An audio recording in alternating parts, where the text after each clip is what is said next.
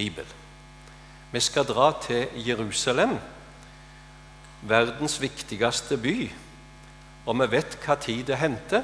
Det hendte i påsken år 27. Relativt kort tid etter Jesus var blitt døpt og begynt sin gjerning. Han drog først ja, først ble han frista av djevelen i 40 dager. Så drog han til Galilea, men i påsken drar han så opp til Jerusalem. Så det er altså i begynnelsen av april. Året har vi alt nevnt. Han er ikke alene. Han har kalt de fem første av sine spesielle disipler. Det var Johannes og Andreas som var de to første som var med Johannes, døperen. Og så gikk jo Andreas til sin bror Peter. Han ble nummer tre. Og så var det Philip, som de da også møtte. Og til den femte var Nathanael. Vi må tro disse også er med til Jerusalem. Hvor de tar inn denne påsken, vet vi ikke. Trolig hos familie eller venner. Ut ifra tradisjonen så hadde Maria sine foreldre hus like ved Betestadammen. Der står ei kirke i dag som heter Anna-kirken, og det heter mor til Maria. Kanskje det var hos sine besteforeldre? Godt mulig. Eller hos andre venner Jesus tok inn sammen med sine. Så er det blitt natt, og så skjer dette spesielle at det banker på døra i en relativt sein nattetime.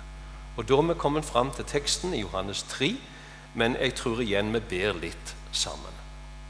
Takk, Herre Jesus, for at du kom til vår verden for å frelse alle de som vil ta imot deg.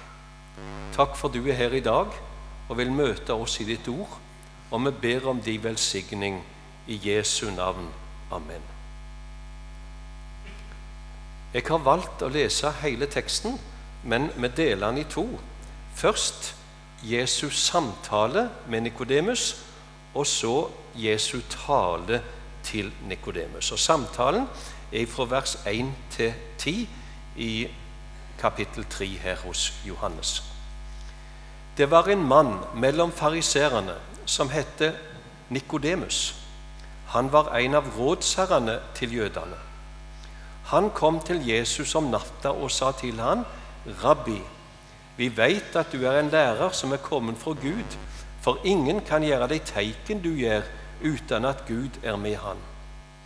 Jesus svaret sa til han, 'Sannelig, sannelig, sier jeg deg, ingen kan se Guds rike uten at han blir født på nytt.'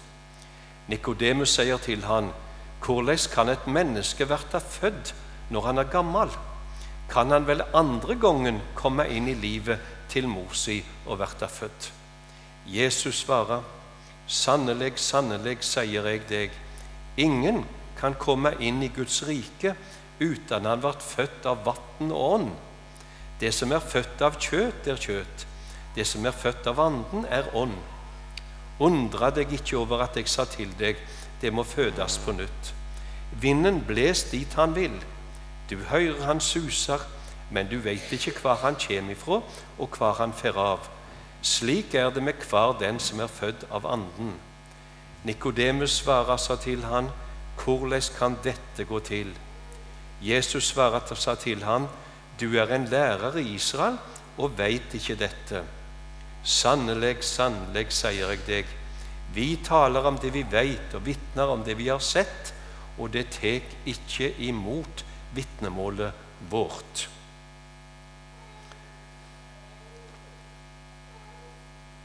Nikodemus hørte til fariseerpartiet de tok det veldig alvorlig med Guds ord.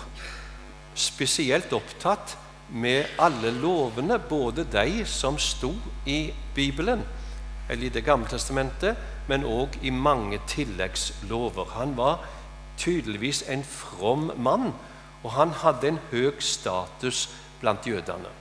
Han var medlem av Det høye rådet, den høyeste myndighet i Israel, både juridisk og religiøst på denne tid. Han har tydelig hørt om Jesus og sikkert også døperen Johannes sin virksomhet. Og nå er Jesus kommet til Jerusalem og har virket hatt både talt og gjort under i Jerusalem. Eh, dette har da ført til at denne fine mannen har fått problem. Han har kommet i sjelenød, og det er tydelig at han har forstått at ingen kan gjøre de gjerninger som Jesus gjør, uten han er kommet ifra Gud. Og så går han da på nattetid. En kan kanskje tenke seg to grunner til at han gikk på denne tid. Noen mener det var for dette var så viktig for han at han ikke kunne vente til det ble dag. Men mest trolig er det at det var av frykt for sine partifeller. Og så stiller han ikke Jesus direkte et spørsmål, men han tiltaler Jesus som rabbi. Det betyr herre eller mester eller lærer. Og han har forstått, som alt nevnt, at Jesus er en lærer som er kommet fra Gud. For ingen kan gjøre de tegna som Jesus gjør, uten at Gud er med ham. Og så kan vi lese mellom linjene at Jesus ser, han vet, han gjennomskuer et menneske, og han vet hva problemet til Nikodemus er. Og Derfor gir han dette svaret. Sannelig, sannelig. På gresk står det 'amen, amen'. Det er sikkert. Du kan, være, du kan stole på dette. Og hva er det som er sikkert?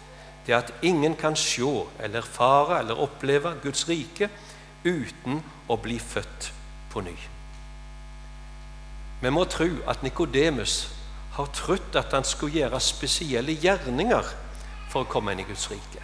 Det lå ned til fariserene. Men her er det klart både for Nikodemus og det må være klart for oss alle, det som Paulus senere vitner så sterkt om i brevet til feserne, når han sier det av nåde vi er frelste, ved tru. Det er ikke deres eget verk, det er Guds gave. Det hviler ikke på gjerninger for at ingen skal rose seg. Her trengs det en ny fødsel. Det er det første Jesus da minner Nikodemus om.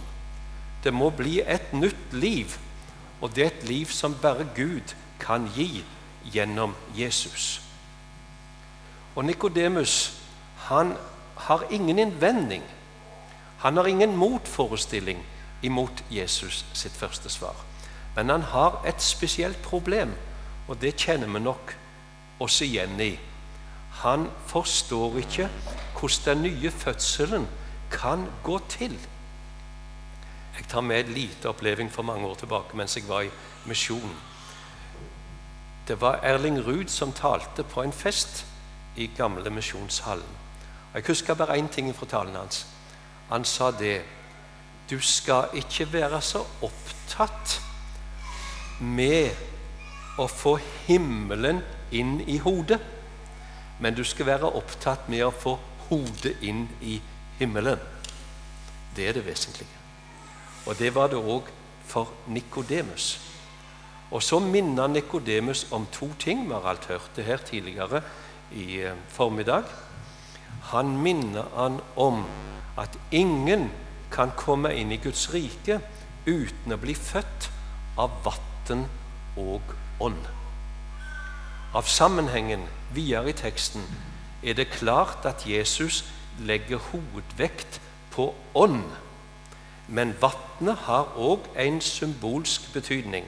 Først må vi tro han viste til Johannesdåpen, der hovedvekten var omvendelse.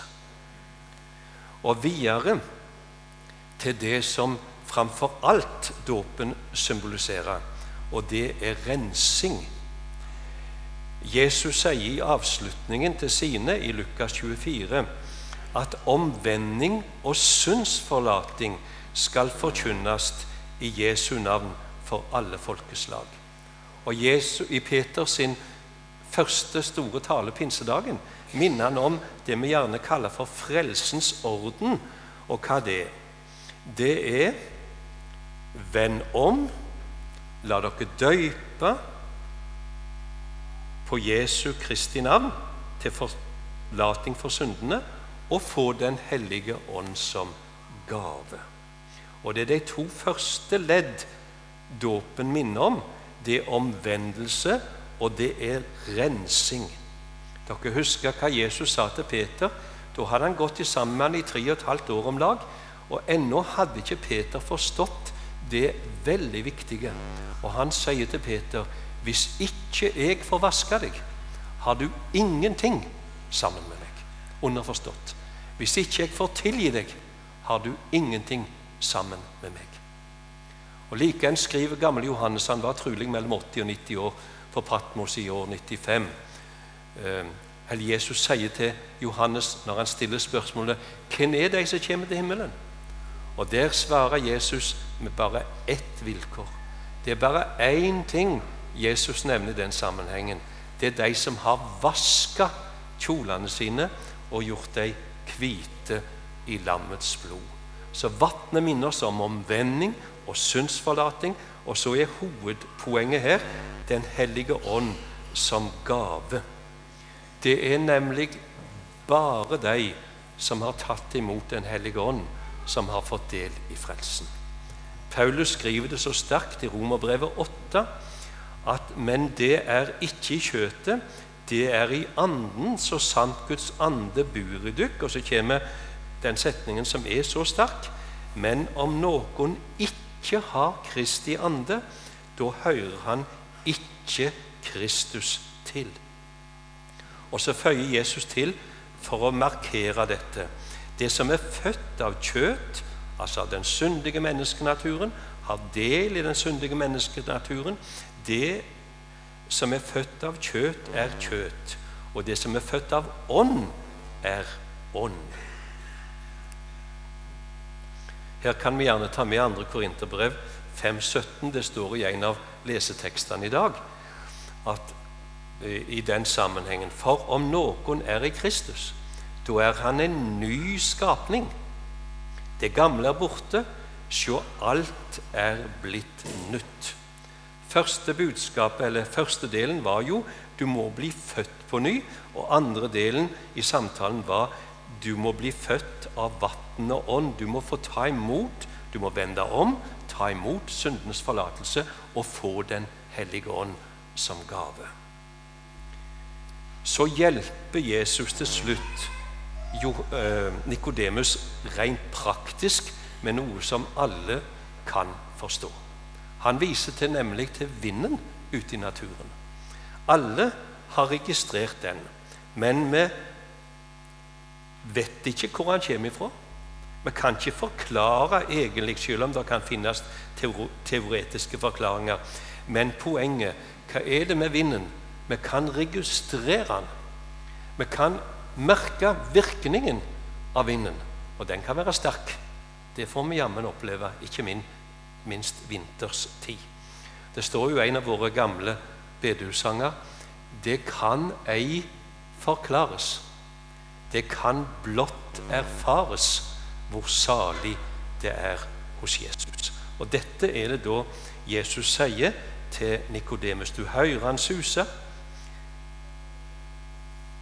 Du merker han, du registrerer han.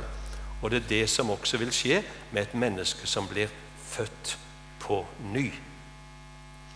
Men ennå er ikke Nikodemus kommet så langt at han greier å gripe dette.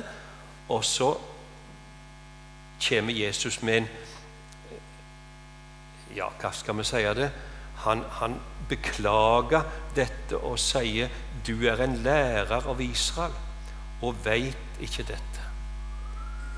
Vi vet alle at det er ikke nok med et teologisk eller teoretisk studium. Det kan være veldig nyttig og positivt for all del, men det fører ikke uten videre til et nytt liv og en ny fødsel. Det ligger der nok i Jesu ord i denne sammenhengen. Det var i grunn bakgrunnen for preiketeksten i dag. Preiketeksten er egentlig fra Johannes 3, vers 11. Jeg leser et vers for langt, så da går jeg tilbake til vers 11, og vi leser resten av teksten fram til vers 21. Sannelig, sannelig, sier jeg deg. Vi taler om det vi vet, og vi vitner om det vi har sett, og det tar ikke imot vitnemålet vårt. Når de ikke tror når jeg taler til dere om jordiske ting, hvordan kan de da tro dersom jeg taler til dere om de himmelske? Og ingen har stiget opp til himmelen uten Han som har stiget ned fra himmelen, menneskesonen som er i himmelen. Og liksom Moses løftet opp ormen i øydemarka, slik skal menneskesonen løftes opp, så hver den som tror på Han, skal ha evig liv. For så elska Gud verda, at han gav sønnen sin den enbårne, så hver den som tror på Han, ikke skal gå fortapt, men ha evig liv. For Gud sendte ikke sønnen sin til verden for å døme verden, men for at verden skulle verta frelst ved Han. Den som tror på Han, blir ikke dømt. Den som ikke tror, er alt dømt, av de han ikke har trodd på navnet åt Guds enbårne sønn. Og dette er dommen, at Jose er kommet til verden, og mennesket elsker mørket mer enn Jose, for gjerningene deres var vonde. For hver den som gjør det vonde, hater Jose og kommer ikke til Jose, så ikke gjerningene hans skal verta refsa. Men den som gjør etter sanninga, kjem til Jose, så gjerningene hans kan komme for dagen, for de er jordet i Gud. Denne talen av Jesus til Nikodemus kan gjerne sies å være den viktigste talen i hele vår bibel. For den inneholder nemlig det vi kaller for den lille bibel, det mest sentrale av alt i det bibelske budskap. Denne talen er tredelt. Først en innledning på tre vers, og så en hoveddel, et hovedbudskap på fem vers, og så igjen en avslutning på tre vers. Så vi skal stanse litt for hver av de delene. I innledningen sier Jesus for tredje gang 'sannelig, sannelig'. Amen, amen. Det er sikkert. Jeg vet ikke om dere har sett på fjernsyn når dere er døvetale. Det er det eneste tegnet jeg kan. Det er ordet 'amen'. For det er sånn. Amen. Det betyr det er sikkert, det står fast. Og nå er det for tredje gang Jesus minner Nikodemus om det som står fast. Og her i innledningen beklager han først at jøder så lite har tatt imot vitnemålet både fra døyperen og han sjøl, og derfor bruker han 'vi' og 'vårt' i innledningen her. Guds rike har både ei jordisk og ei himmelsk side. Og Jesus sier her at når de ikke forstår når han snakker, eller når de snakker, han og Johannes trolig i denne sammenhengen, har talt om den jordiske del, hvordan kan de da tro på det himmelske? Og så minner han om det vi alle trenger å bli minnet om. At ingen, ikke noe menneske, har steget opp til himmelen uten Jesus. Han som steg ned ifra himmelen. Menneskesonen som er i himmelen. Vil si, han hører himmelen til. Selv når han er i vår verden, så er han en representant. Han hører himmelen til, og derfor blir det markert. Og det er bare han som har kjennskap og kan vitne om de ting som er i himmelen. Og så er vi kommet fram til hovedbudskapet ifra neste vers. Og Da minner Jesus først om det som alle jøder kjente godt til. Da de var kommet på veien imot løftes land, så opplevde de jo giftslanger. Og Da var det bare én måte de kunne berge livet. Det var når de i tillit så opp til den kåperormen som var reist opp. Det var bare én måte å berge livet på. Liksom Moses løftet opp ormen i øyemarka, slik skal menneskesonen løftes opp, så hver den som tror på Han, har evig liv. Og Det er det som er sentrum i vår i det kristne budskap, i budskapet gitt oss i Bibelen, det er bare i tro på Jesus et menneske kan bli frelst og få det evige livet. Peter ropte det ut på tempelplassen den første pinsedagen. Det er ikke frelse i noen annen. Det er ikke gitt noe annet navn under himmelen som mennesket kan bli frelst med. Og Jesus hadde sjøl sagt det mens han gikk sammen med sine. 'Jeg er veien og sannheten og livet.' Og merk dere, ingen kommer til Faderen uten gjennom meg. Det er sentrum, det er hovedbudskapet i teksten vår her i dag. Og ikke minst fortsettelsen. Der minner han da om Ja, for det første, jeg glemte det. Han minner om to trinn i Jesu opphøyelse. Han minner om at Jesus som slangen, så må Jesus også løftes opp. Og det er to trinn i dette. For det første måtte Jesus opp på korset for å sone verdens synd. Men ikke minst i vår sammenheng peker nok Jesus på himmelferden. At han skulle ta sete ved Guds høyre hånd. Og det sier han i Johannes 12. Når jeg blir luft opp fra jorda, da skal jeg dra alle til meg. Og han sa til sine siste kvelden at jeg går bort for å gjøre i stand et rom til dere.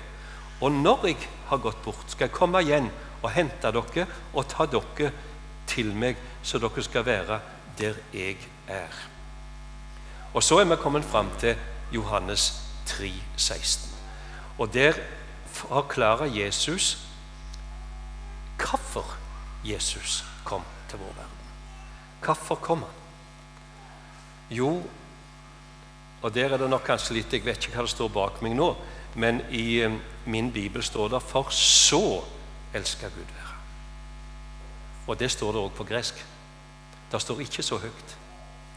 Det står 'så', altså slik. På den måten elsker Gud verden. Og hva måte var det han gjorde det på?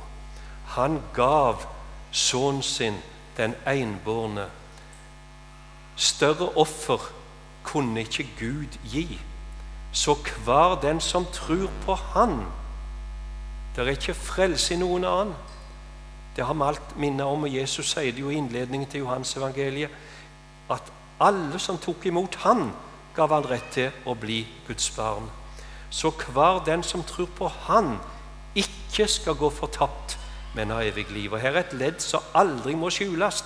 Der fins nemlig en fortapelse. Og uten det så blir det meningsløst hvorfor Jesus kom til denne verden. Hva kom han da for? Det var nettopp derfor han kom. For å berge alle som vil, ifra en evig fortapelse. Så hver den som tror på Han, ikke skal gå fortapt, men ha evig liv. Og igjen et glimt ifra Romerbrevet 8. Han som ikke sparte sin egen sønn, men gav han for oss alle. Hvordan skulle han kunne annet enn gi oss alle ting ved Han? Og så får vi høre litt til i denne hoveddelen fra vers 17 til 18. Gud sendte ikke sønnen sin for å døme verden, men for at verden skulle bli frelst ved Han. Det vil ikke si at ikke Jesus skal dømme, men det var ikke derfor han kom første gangen. Jesus vil komme til vår verden tre ganger ifølge vår bibel. Første gangen kom han for å frelse. Andre gangen kommer han for å hente sine. Og tredje gangen kommer han for å dømme og skape en ny himmel og en ny jord. Men i vår tekstsammenheng så er det budskapet at Jesus kom ikke den første gang for å dømme, men han kom for å frelse en fortapt verden. Og derfor lyder den som Ja, øh, vi kan vise til Romerbrevet 8,1. Den som tror på Han, blir ikke dømt, står det i vår tekstsammenheng, eller fra Romerbrevet 8. Det er ingen fordømming for den som er i Kristus Jesus.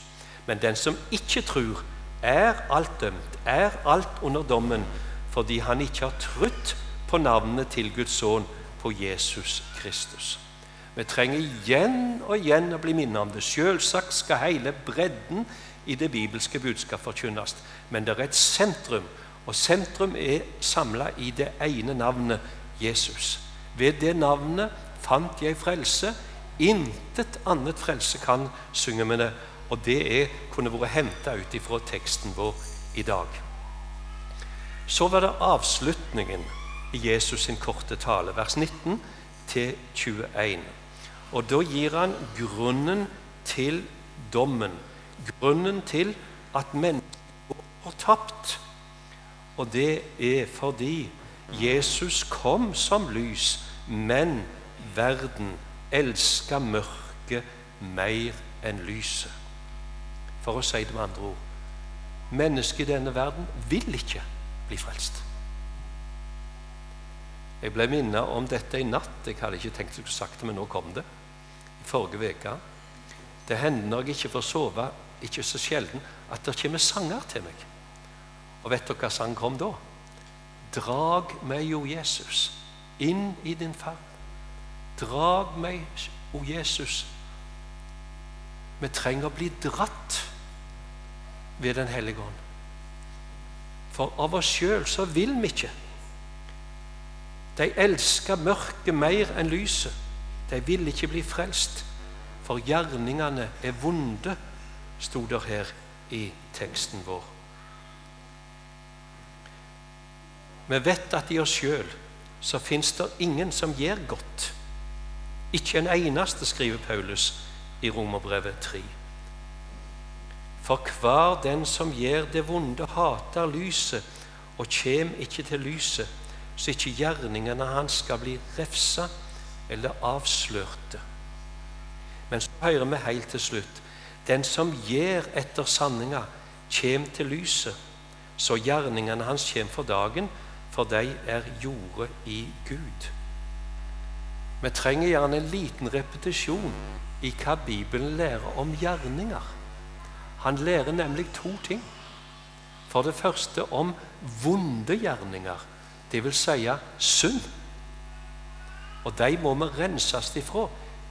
Det er ingen som av seg sjøl gjør godt, leser man Paulus. Men samtidig, når vi er frelst, så skal vi gjøre gode gjerninger. Det taler Guds ord sterkt. Det minner Jesus om. Jeg ble minnet om lyset her. Vi skal være lys i verden. Hvorfor? Så de skal se de gode gjerningene våre og prise Far vår i himmelen. Ingen blir frelst ved gjerninger, men alle frelste skal gjøre gode gjerninger. Vi skal gå omkring i Jesu navn og lindre, trøste og stille savn. Og vise medynk og tørre tårer og lege alt hva hjertet sårer. Det bygger på et sentralt bibelsk budskap, og slik slutta Jesus talen til Nikodemus når han sier Den som gjer etter sanninga, kjem til lyset, så gjerningene hans kjem for dagen, for de er gjorde Gud. Det er gjerninger som Gud har skapt oss til. Vi har skapt Jesus Kristus til gode gjerninger, ikke av oss sjøl, men han skal gjøre gjennom oss. Og så kan vi vel ikke slutte før vi spør hvordan gikk det med Nikodemus? Ble han frelst? Ikke direkte sagt, men indirekte har vi svaret. Det skal vi ta med oss. Vi møter han nemlig igjen to ganger til i Det nye testamentet. Midt i Jesus sitt virke så blir han kritisert, og det er de som vil ta livet av han, det vet vi. Men så er det én av de som sitter i det høye rådet, som taler imot. Han advarer de andre, og han tar Jesus i forsvar. Det var han som kom til Jesus om natta og han heter Nikodemus. Men det er ikke nok å forsvare Jesus. Det må noe mer til. Og det skjedde, og vi kan lese det mellom linjene, tror jeg. Eh, professor Sigurd Odland, som har skrevet kommentaren til Johansevangeliet bl.a., han skriver at dette nattmøtet det var ikke forgjeves. For hva skjedde? Nikodemus har vært på Golgata og sett hva som skjedde på Golgata. Og det har blitt så sterkt for han at han må få vise det. Det er ikke nok bare at han har det for seg sjøl, men han må vise dette. Og når Jesus blir tatt ned av korset, så kommer han med det dyreste han kan skaffe. 100 pund med den dyreste salve. 100 pund er 32-33 kilo. Og så kommer han der for å vise at han har tatt imot det som er teksten vår i dag.